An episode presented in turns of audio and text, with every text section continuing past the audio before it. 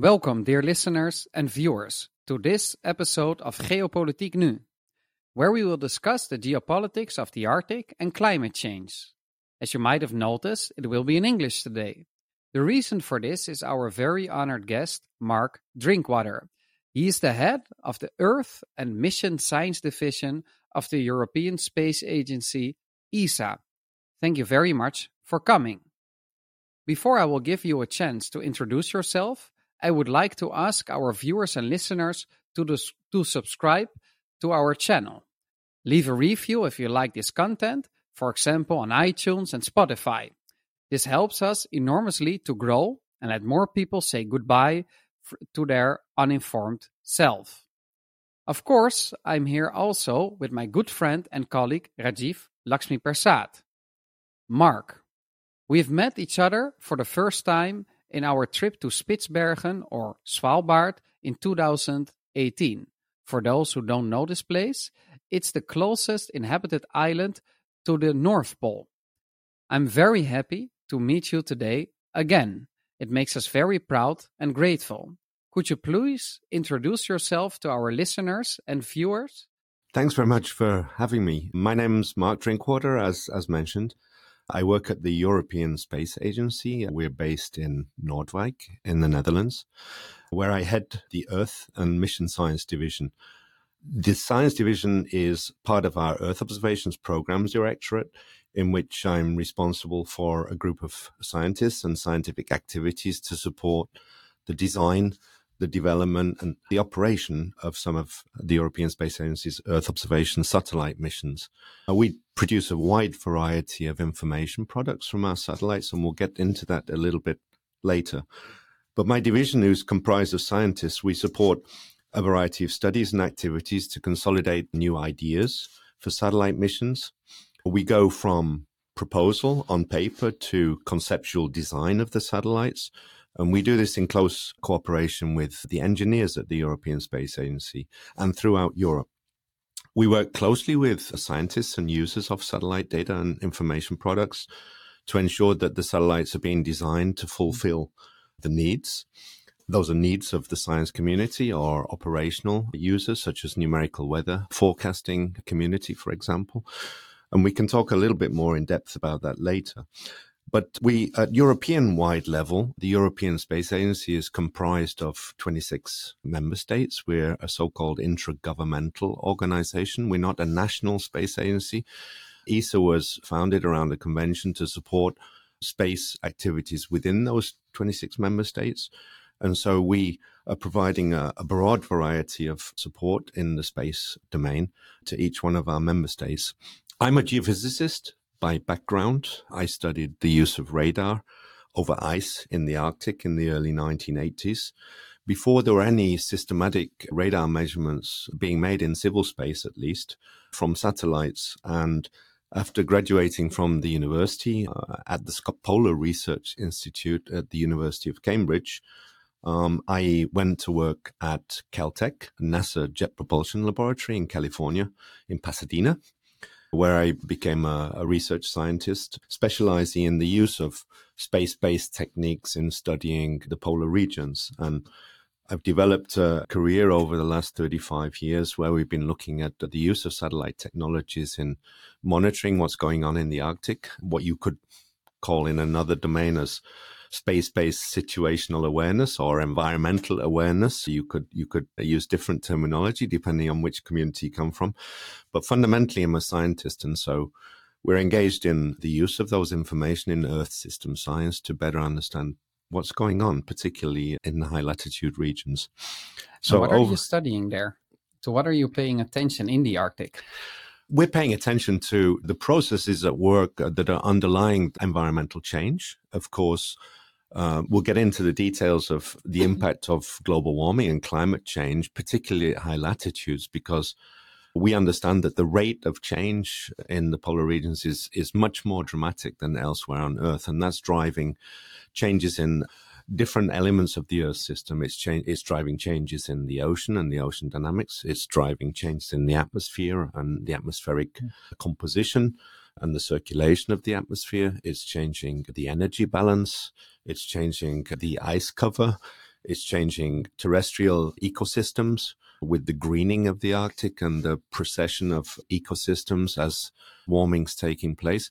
And of course, the impact of all of these changes is opening up the Arctic and it's leading to dramatic changes in terms of accessibility and the way in which the surrounding states view the Arctic as not only a, a source of resources, but also uh, for transportation across the Arctic. I also think that the difference is that if you look at climate change, normally people see changes. If you are living in the deltas in Bangladesh or also in Netherlands, also a delta country, or if you're a farmer, we also have severe droughts, and our farmers also have problems with that. But if you're talking about the pole of the poles, the North Pole or the South Pole for that matter, I think not many people live there or around there, so they don't see the danger as much as anywhere else. I think. I think it's been it's misunderstood largely and thought of as a rather benign, inaccessible, frozen yes. area, which doesn't have a very big impact on the majority of the people. But the rate of change and the impact on the rest of the world is measurable. In fact, there's been a saying over the last few years that whatever changes take place in the Arctic don't only impact the Arctic, they have an impact elsewhere around the globe. And so the reverberations of changes that are ongoing on the, the Arctic today certainly have consequences for the rest of the world. And we can get in, into that. They can impact ocean currents, which transport heat and energy around the rest of the globe. And the atmosphere of the Arctic is connected to the atmosphere of the rest of the globe. And so what you pump into the atmosphere in terms of say carbon dioxide or whatever has an impact on the greenhouse effect uh, for the rest of the world. So we, the influence of the Arctic is huge worldwide in different disciplines yes. and also different aspects of life, ecological, geopolitical, economical. We will address a few of those in the mm. minutes or hour to come. I would like to bring you back. You have a long career now in science, 35 yeah. years. Yeah. In satellite, you're the head of a scientific teams, uh, developing different scientific activities. Can you identify for the listener why is the European Space Agency on Earth or actually in the universe maybe? Well, space since since the Cold War, of course, access to space has been a driving force for space-based activities, be it in Russia, be it in Europe, or be it in North America, and now elsewhere around the globe. You can see space powers developing around the globe. Access to space is something which has driven aeronautics and space technology. And the European Space Agency was founded largely to capitalize on this endeavor. Of course, we've not been around, say, as long as agencies like NASA, but we've gained a very strong foothold in, in the space business over the last, particularly over the last 25 years, where we've developed a capacity on behalf of Europe, which is producing fantastic data, be it for, for scientific use or for operational uses. And I can go into a little bit more detail about some of those aspects of what we're doing, in particularly in the Earth observation business. I think ours, our place in space is bigger than just Earth observation. ESA, as you're aware, sends probes throughout the universe. We've landed on asteroids. Yes, uh, the Rosetta mission has a place in many people's minds and memories after ESA, not NASA, managed to land a space probe on an object that was moving through the universe. And Rosetta really captured the imagination of many people uh, uh, around the world. Most recently, we launched a satellite that's gone to Jupiter, the JUICE spacecraft. And so we have science encompassing planetary science or astronomy or aspects of studying the universe, which are much broader than simply focus on Earth. However, my background is focused solely on Earth and in particular how we can use uh, I think the most data. interesting about space science is I think space is something that has interested mankind from the beginning of mankind. If you look at the first temples, the first construction like Göbekli Tepe in the present day Turkey, it's all about what they are seeing in space. They are picturing that in all the religions you see that back. So I think it's something that's inherent in us, in our DNA, you can say. If yes. you look up, unfortunately, if you're now looking up, we don't see as many stars, but I have seen picture that if it's dark, like it used to be, mm-hmm. you can see the entire space. But I think the most important part of space technology, if you look at it, NASA, but I think also ESA, if you are doing research on space and innovating on new technologies, but I have seen many documentaries that because of those innovations, many civic innovations come out of that, that we are using in our present day lives like GPS. We can't live with, without GPS. That is from space. Mm. I have seen many innovations in the medical world. MRI scan. MRI scan are from this. Also from agriculture because we want to plant on Mars. Uh, we want to agriculture on Mars eventually. I think that's the most important part of space technology is, of course, knowledge about space is important, but the many uh, side effects or the positive side effects we can't even believe now from what is coming out of space technology. Yeah, I think there's two important themes out of what you said. One's about how space has magnified our understanding of fragility uh, uh, of life on Earth, first of all, because the astronauts get this perspective known as the overview effect for how fragile life on Earth. And that's led to questions about uh, our existence in the universe and whether we're a unique life form in the universe, of course. And whether we are alone. And, and whether we're mm-hmm. alone. And then on the other side, space has led to all of these spin off technologies that you speak about, and of which there are many space factors in everything we do in our everyday life today, from weather forecasts that you get on your mobile phone and that dictate whether you're going to go on your bicycle yeah. to work or not, to the, the forecast of the temperature and whether it's going to rain. At the same time, you know exactly where you are from one minute to the next because of these global yeah. navigation satellite systems like agriculture, GPS. everything. Yeah, yes. we drive tractors in the fields today in so-called precision farming. The tractors can increase the efficiency and productivity in the agricultural sector. And on the other side, we've got all of the key technologies that find their ways into your phone, in your car, in everyday life. So space has had a countless. Yeah, the, yeah. the civic the uh, civic uses and applications of uh, space technology are huge. I have a question about ESA. Is it meant to only address these civic and scientific goals, or also geopolitical and maybe military goals? This is a very interesting question because our convention does specify quite clearly that it's space for peaceful purposes. Of course, space spans many domains of interest nowadays because information about territories can be perceived as being of security interest and therefore also be of use in a military domain. But what we do is first and foremost for peaceful purposes. European Space Agency runs from uh, public money.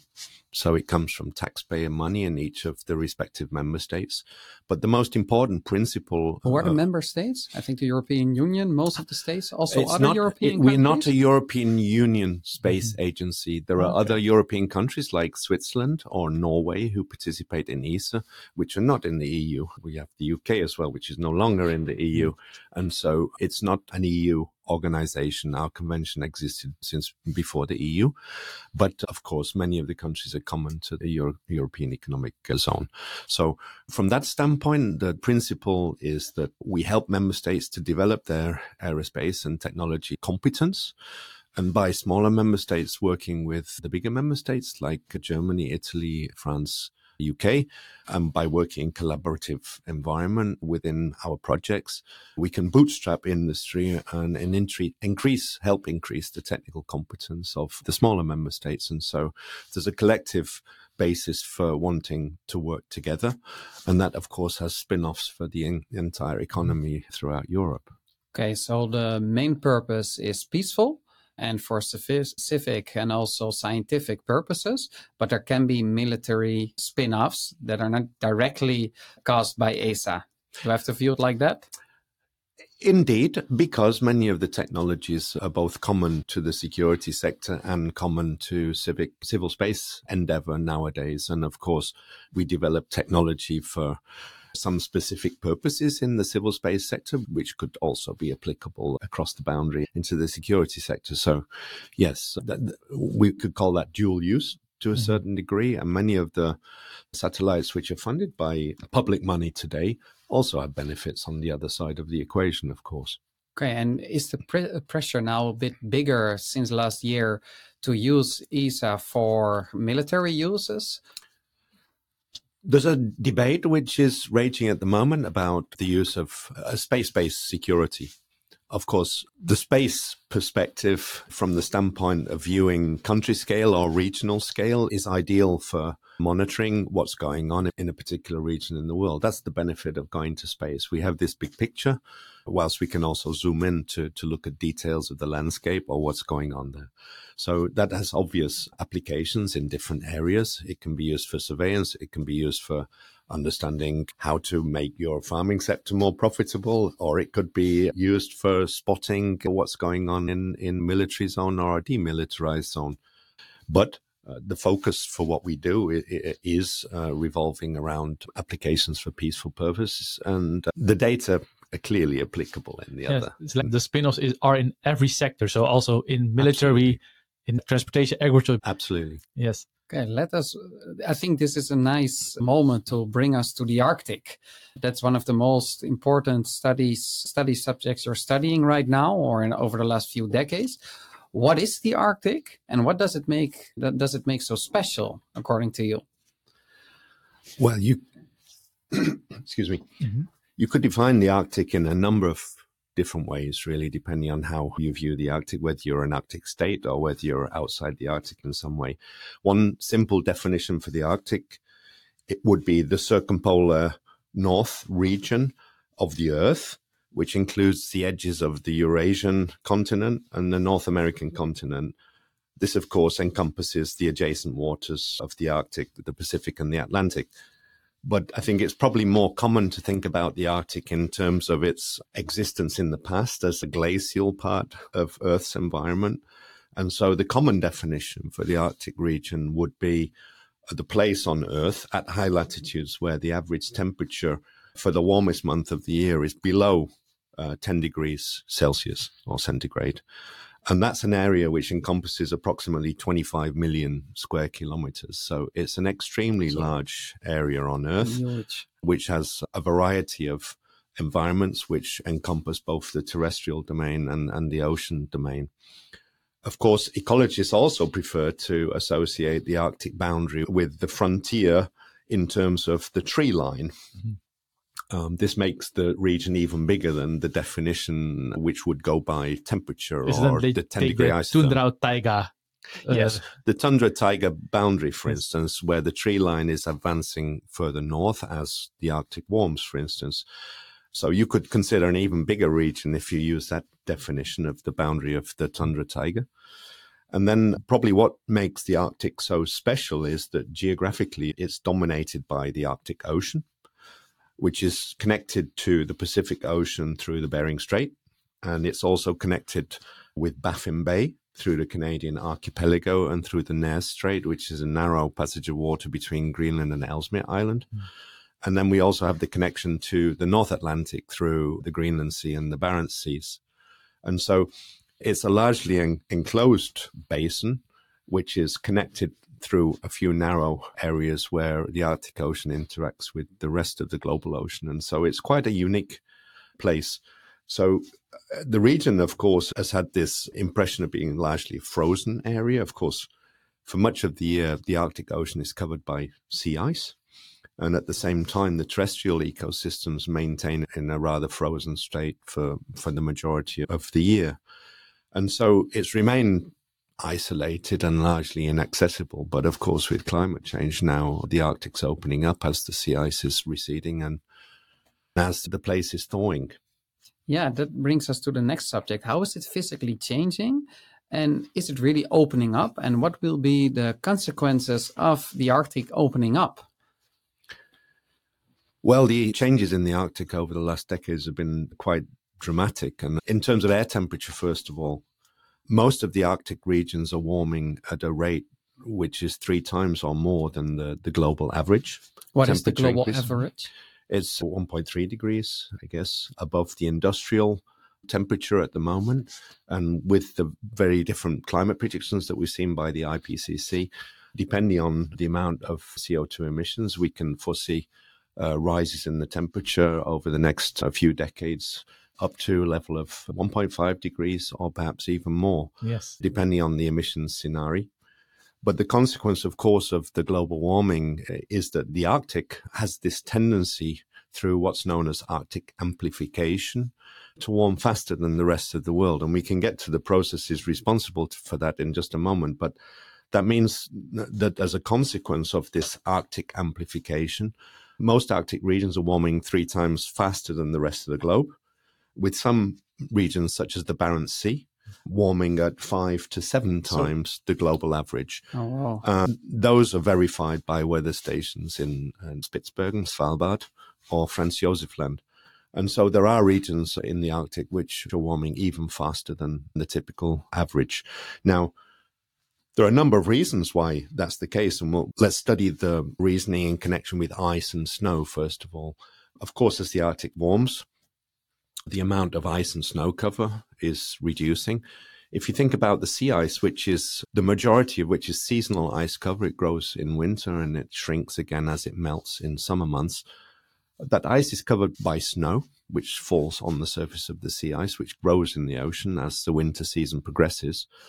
But as the onset of summer comes, the snow surface begins to melt. And as snow begins to melt, the albedo or the reflectivity of the sunlight goes down. And so more and more energy is absorbed from the sun. This accelerates the melting. It reduces the area of ice. And as you expose more and more of the ocean surface, more and more energy from the sun is being absorbed because the ocean is relatively darker than the yes. uh, rather reflective snow and ice surface. So the less ice we have in the Arctic, uh, the greater the temperature increase. And so this has a positive feedback with reduction in ice resulting in less and less energy being reflected outwards into space.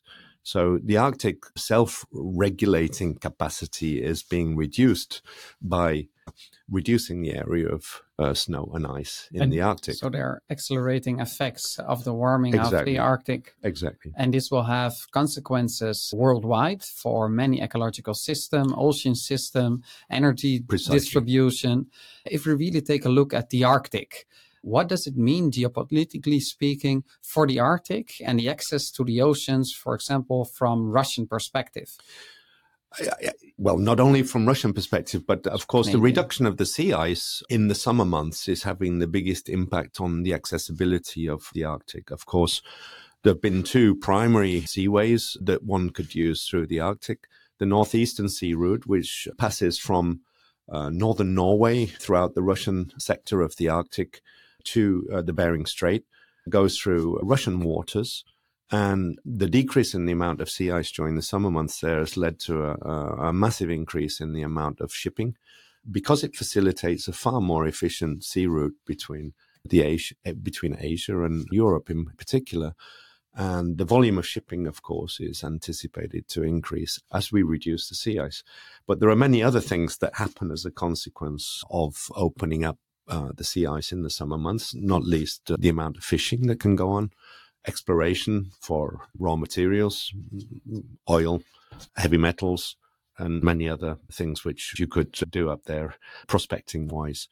So, do you think this opening up uh, will increase over time? The opening up of the Arctic? Do you think we have an almost free access in 2050 or 2060 throughout the year, or is it going to be more access only during the summer?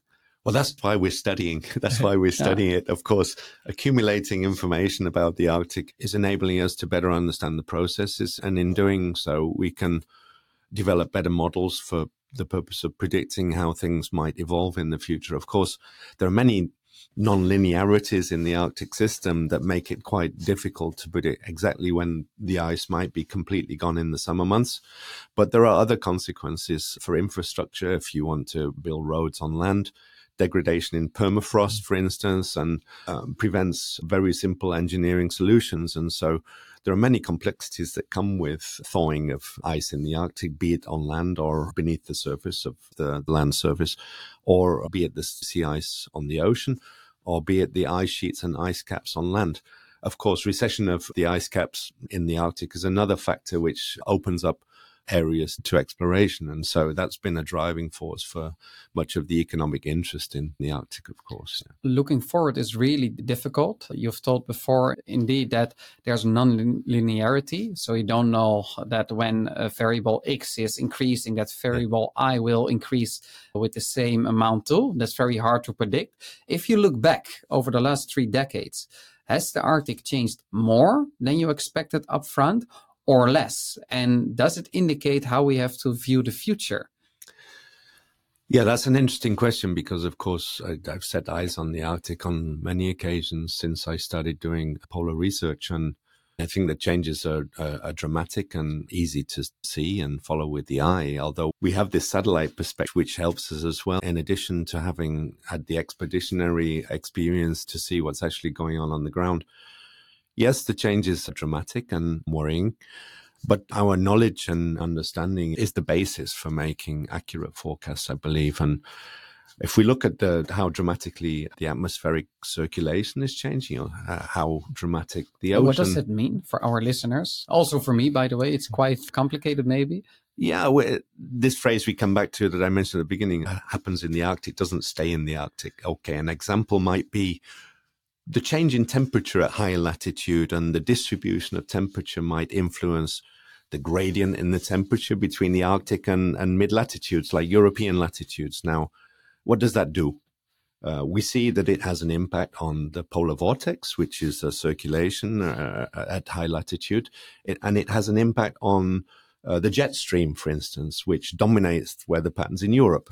Now, as you decrease the temperature gradient between the Arctic and mid latitudes, for instance, the structure of the jet stream changes, and we see wavy structure in the jet stream. This wavy structure can build regions of high and low pressure, which have an imprint on weather patterns in mid latitudes. And we're undergoing at the moment a blocking high pressure because of these waves in the jet stream. This blocking high pressure is forcing the weather systems along a different route. This can have consequences for the amount of rainfall in Spain. Uh, as we see, we have torrential rainfall in Spain after a period of extended drought, and the same is going on in Italy. And this is these extremes in the weather are being forced by patterns in the atmosphere, which are a consequence of the type of changes that we're observing. And the distribution of temperature between the Arctic and mid latitudes is one of the underlying reasons for that. The ocean has more than a small part as well. The ocean's driving warmth into the Arctic. This is a phenomenon which could be called Atlantification of the Arctic. As warm water penetrates further and further north, we're seeing its role in removing sea ice. It's helping deliver energy and heat into the Arctic. And Atlantific- which, yeah. Atlantification, why is it? It's because the currents and the currents which bring and deliver warm air that deliver warm water to the pro- within proximity of Europe that allow us to have a rather rather mm, mild like climate are also delivering warm water by current systems which penetrate now all the way up into the Arctic through the Barents Sea.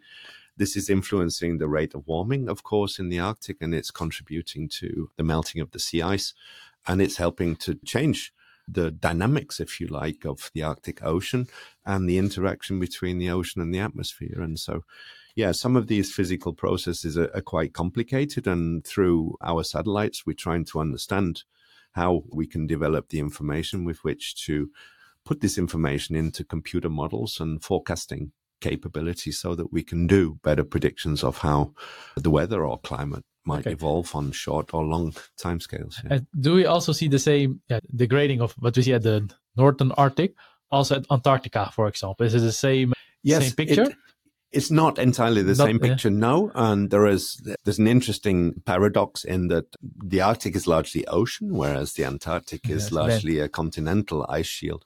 This has consequences for not only the atmospheric circulation, but also the ocean circulation, since you've got ocean revolving around Antarctica, whereas in the Arctic, you've got, you've got a largely en- enclosed ocean basin. So there are some quite significant geographic differences. And of course, the ice sheet in Antarctica dominates the atmospheric circulation in the southern hemisphere.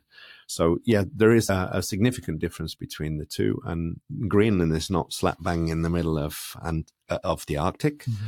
and so the impact that, that Greenland has on the circulation in the Arctic is somewhat different, say, than the ice cap of Antarctica. So yeah, and Greenland's an interesting area for change as well. I've just been at a conference talking about Greenland because the Greenland ice sheet is changing dramatically as a consequence of warming in the northern hemisphere as well. And that's leading to increased contribution of ice melt to sea level rise, which is a matter of considerable in, interest, of course, in the Netherlands. The rate of sea level rise is being driven by the rate at which warming is going on in the Arctic. And as ice melts from the Greenland ice sheet, it's become over the last three decades the one of the primary contributors to sea level rise.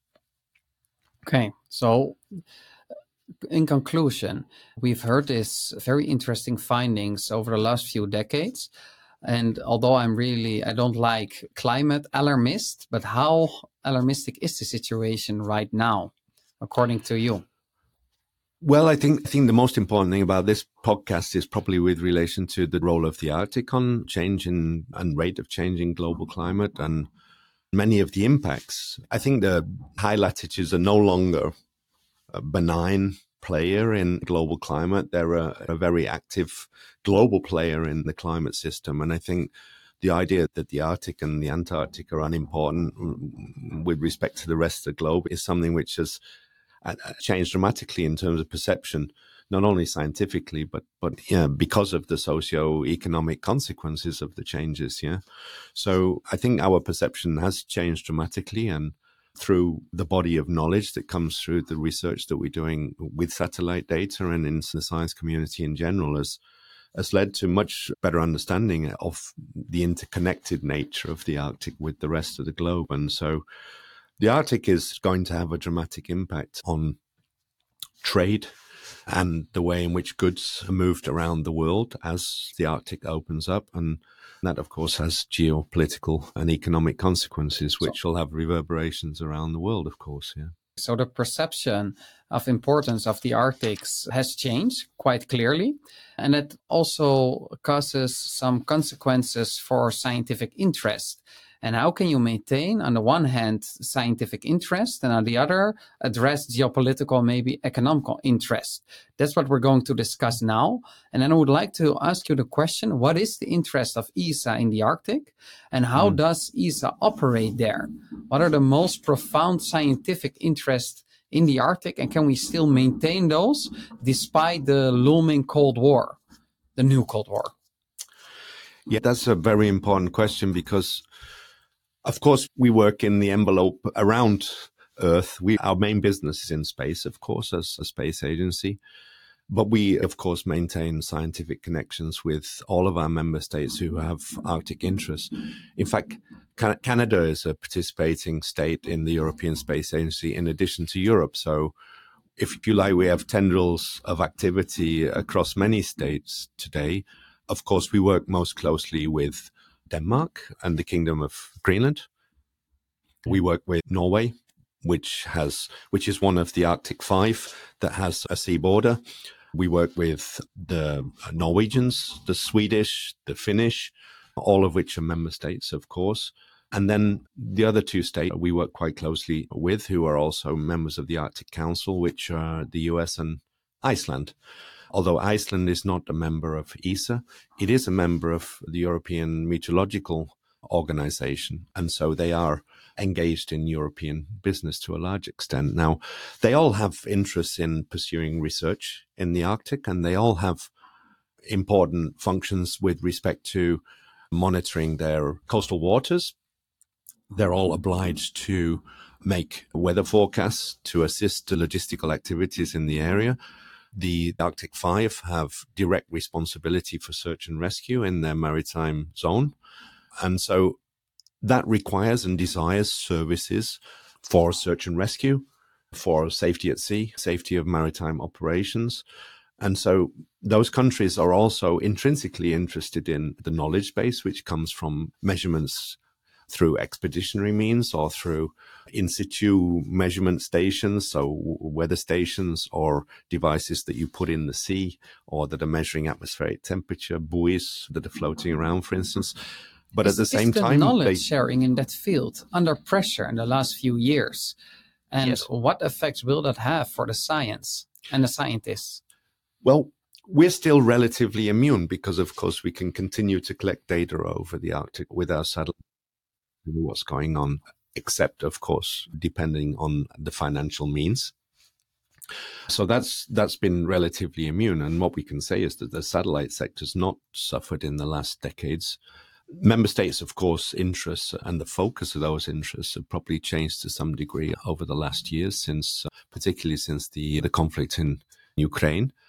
But research wise, the collective endeavor to study the Arctic uh, was at its greatest over the last decades. We've seen huge experimental endeavors to access the Arctic and to collect knowledge. We've seen the International Polar Year, which many of the countries around the world entered into a collective endeavor to study the Arctic during the interval from 2007 to 2009. This spun up polar programs in many countries around the world, all of whom were contributing to experiments in the field, as well as using satellite data f- to monitor and study uh, changes in the Arctic. And then more recently, we've had a huge international endeavor called Mosaic, which was a drifting ice experiment in the Arctic, following in the footsteps of Fridtjof Nansen, which was a ship based drift across the Arctic over a period of several months, which was resupplied by Russian icebreakers, by Chinese and Swedish icebreakers. And this also involved scientists, hundreds of scientists from around 20 different states around the world. So uh, there's never been a bigger collective scientific endeavor in the Arctic than over the last two decades. And of course, we've seen a halt to that in the last year or so mm. because of the conflict. And that's raised questions, of course, about how to interact with Russia in the future on Arctic research. And do you have any forecast about that? It's an interesting question because, of course, 50, around 53% of the Arctic coastline is Russian. And so when we think about many of the processes that are going on from a circumpolar Arctic perspective, it's very important that we're able to engage with Russian scientists to have a, a holistic perspective about what's going on in their territory and their waters in the Arctic. If we think about some of the things that are going on, which are fundamental to understanding how climate might change, we could think about thawing permafrost, for instance. This is one of the biggest wildcards in the climate system. As the permanently frozen ground thaws, it releases large quantities of methane and yeah, CO2, both of which can contribute to the rate of warming in the Arctic and globally, of course. And so this is a wild card in the climate system at the moment. As we see Arctic warming, what we're seeing is permafrost borehole temperatures show and report the thaw. And of course, the area which is being activated as the frozen ground thaws is resulting in emissions of greater and greater quantities of. And they of say that uh, methane has a 25 stronger warming. Yeah, the short term, yeah. the short term impact of methane could could actually be much stronger, which is one of the reasons why at the recent conference of the parties they've made a collective agreement on methane emissions. Of course. With warming, we can't stop methane emissions from permafrost. And so this is an area where we're simply unable to stop the, the growth in greenhouse gas quantities in the atmosphere as a function of melting permafrost. So permafrost resides over a huge proportion of Russian territory, of course, and the lack of access now to Russian territory to make collective ec- experiments on how permafrost is degrading and the impact that that's having on atmospheric loading of greenhouse gases is something that we have to recover from. Yeah. So here we can see how geopolitics is really influencing science. We cannot yes. study permafrost as much as we were doing more than 15 months ago. And the role of permafrost and the unfreezing of it might have a huge influence on the ecological system worldwide. It causes a lot of emissions into the air of methane, and these effects are considerable, but we cannot study it right now. Do we have to feel it like that? Or That's, less, at least, only from space. I think it's more about the comprehensive understanding. We're beginning to use more and more the satellite technologies for understanding how much methane is in the atmosphere or how much CO2 is in the atmosphere. We we've got a satellite system right now, though, an instrument of which has been developed here in the Netherlands. The Tropomi instrument on our Sentinel-5 precursor satellite is help, helping us to monitor the amount of methane in the atmosphere. So it's it's more this connection between what are the processes that are resulting in more and more methane ending up in the atmosphere and the lack of ability to study those processes in situ by combining, you know, experiments with what we're observing from the satellite. If we're going to have better forecasting models, then we need to understand the processes that are taking place on the ground, of course, as well as making the monitoring measurements from the satellites. There are other processes connected, of course, with permafrost degradation and that are also interesting from a climate perspective because it's not only negative things going, the greening of the Arctic, of course, is resulting in the tree line moving north, as we said before, and the so-called shrubbification of the Arctic. Arctic shrubs are growing further and further north, and at the same time, these new ecosystems are altering the respiration of vegetation at northern latitudes. So we need to learn how and to what extent that's also drawing down more CO2 from the atmosphere because that has a balancing effect. Although permafrost thaw might result in more emissions of methane and CO2. The greening of the Arctic is also responsible for drawdown of carbon dioxide, and that's having a balancing effect. And to understand in its full context, both of those processes requires measurements uh, both on the ground and in space. So you can see how important it is to be able to pursue many of these science themes collaboratively, not only with North America, Canadians, and the US, but also with with the Russians. So, knowledge sharing is essential to understand the Arctic and all its functions. And we have seen a Cold War before in the past. And now I'm curious, since at least in our understanding of Rajeev and myself, we're entering a new period of Cold War, at least between Russia and the West, but probably or might be also between China, Russia on the one hand, and the West on the other. What was the geopolitics of the Arctic during the Cold War? Well, it, let's talk about that first of all from my own perspective in space, because of course, geopolitics had a huge impact on the space race. It was largely because of the Cold War that, and the tensions that developed that, that were responsible for the space race, both in Russia and, and in the US, for instance. And that drove space agency activities after the Second War, where when Wernher von Braun went to the US yes. and helped to develop the rocket programs in the US. I was at the Jet Propulsion Laboratory, which was the place where Wernher von Braun went to help develop rockets in the US, and that led to ultimately to the Saturn V and to the moon landing. So there's an intrinsic connection, if you like, between the Cold War and, and rocketry in particular, because access to space was all about developing capability to launch intercontinental ballistic missiles.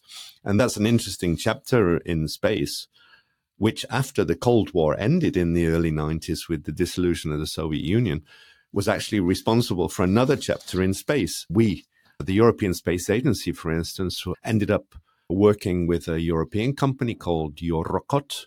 Eurockot bought many of the stockpiled missiles that had been decommissioned after the START Treaty Oh, the Strategic Disarmament Treaty led to stockpiling, to removal of the warheads and then stockpiling of the missiles. And Rokot, together with industrial partners in Europe, bought many of these rockets and converted them into satellite launching capability. And in fact, that capacity led to launches of several of our European Space Agency satellites on X intercontinental oh, okay. ballistic missiles and the so-called SS-19 missile or Rokot as it was called, was used to launch several of our satellites, namely SMOS, Goce, Proba 2, Sentinel 3. And these were all launched from what would have been an ICBM launching facility in northern Russia, in Plesetsk, the, what became the Plesetsk Cosmodrome. And of course, we had, after the, the end of the Soviet Union, we had good collaborations with the Russians, which led to successful launches of many of our satellites into polar orbit. So we were launching satellites together with the Russians. And that was as a result of the friendly ties after the dissolution of the Soviet Union. Now, of course, the irony is we've come full full circle, and we're now in this cycle where tensions over the Ukraine war have, have led to what might be termed another Cold War. And of course, access to space and the importance of access to space becomes magnified once again. And of course, that has an impact on driving activities in space and also budgets for defense and aerospace, probably in general. We don't profit from that as a public funded entity in Europe, But it's clear that these kind of tensions do have a direct impact on activities in the space business. Was there also some sign of collaboration over the Arctic during the Cold War? And can we derive lessons from that collaboration that was there back then? Well, collaboration during the Cold War, that's a difficult one. The countries that were largely involved in space in those days were developing means for surveillance over large areas. That's the origin of polar orbiting satellites as well. Of course, one of the ideas was to try to develop capability for observing the circumpolar north under all weather and cloud and daylight conditions. And civilian space has developed many radar capabilities as a consequence of war. The Second World War led to the development of radar technologies, which are now today employed on satellites over the Arctic, for instance. And during the late 70s, the first civilian radar satellite Seasat was launched by NASA. And then the European Space Agency followed in the footsteps by launching its European Remote Sensing Satellite Series, ERS, and then ENVISAT, the environmental satellite. And then subsequently, we've been developing the Copernicus framework together with the EU for a, a vast array of satellite capabilities for monitoring in general. Some of these have radars, which offer the possibility to image the Arctic day and night. So throughout the polar night, when there's no sunlight, we can illuminate the surface with a radar pulse, and that gives us the ability to image in all weather circumstances year round. That technology has opened up all kinds of monitoring possibilities as well as surveillance possibilities. And that, draws parallels to the early Seasat images in the 70s during the Cold War when one of the things that we noticed in the early radar images were locations where submarines were stationed in the Arctic. Of course, it was at a time where the Russians and the US would find a window in the ice to potentially launch missiles. And so there's been an intrinsic connection between space and what space offers uh, in terms of providing this situational awareness in the Arctic. And that's the same the same situation we find ourselves in again today. Can we learn, and that will be my last question for now, for this first episode of the geopolitics of the Arctic, can we derive lessons from the Cold War or maybe the last year of how not to do things and maybe how to do things?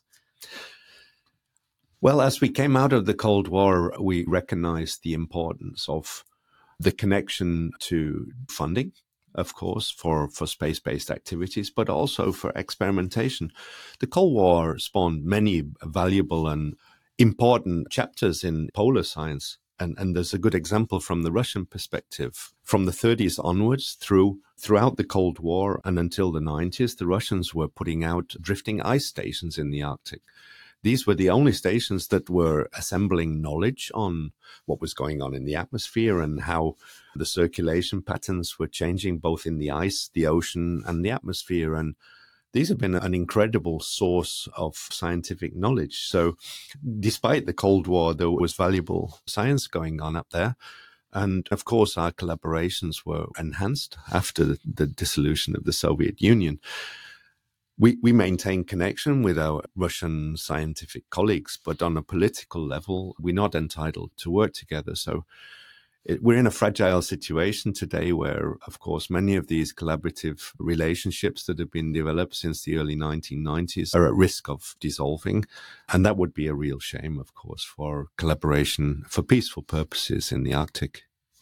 So knowledge sharing would be the lessons. Let's continue with that. On the other hand, geopolitics have driven a lot of Arctic and polar research. Maybe we are in an era or in front of an era of a new golden period for Arctic research, although the incentives are not the most brightest. Today, geopolitics of Arctics took center stage in our podcast. It's not only for fun that we're discussing it. We also estimate that the Arctics will take more and more center stage in ecological systems and also in geopolitics worldwide. We address the topics of uh, the Arctics and science, or the Arctic and science, I have to say of the role of ESA in this endeavor, and of course, the influence of the war Russia in Ukraine and how that influences both scientists and the science of ESA. We ended up in discussing the influence of the Cold War on the science of the Arctic, and it brings us to the real hardcore interest in the Arctic, and that's what we're going to discuss in the next episode. Today, we discussed these topics with a very interesting speaker, Mark Drinkwater. Of course, I was here with my good colleague and podcast partner, Rajeev Lachmipersad, and we hope that you were able to say goodbye to the uninformed you. Thank you very much for listening.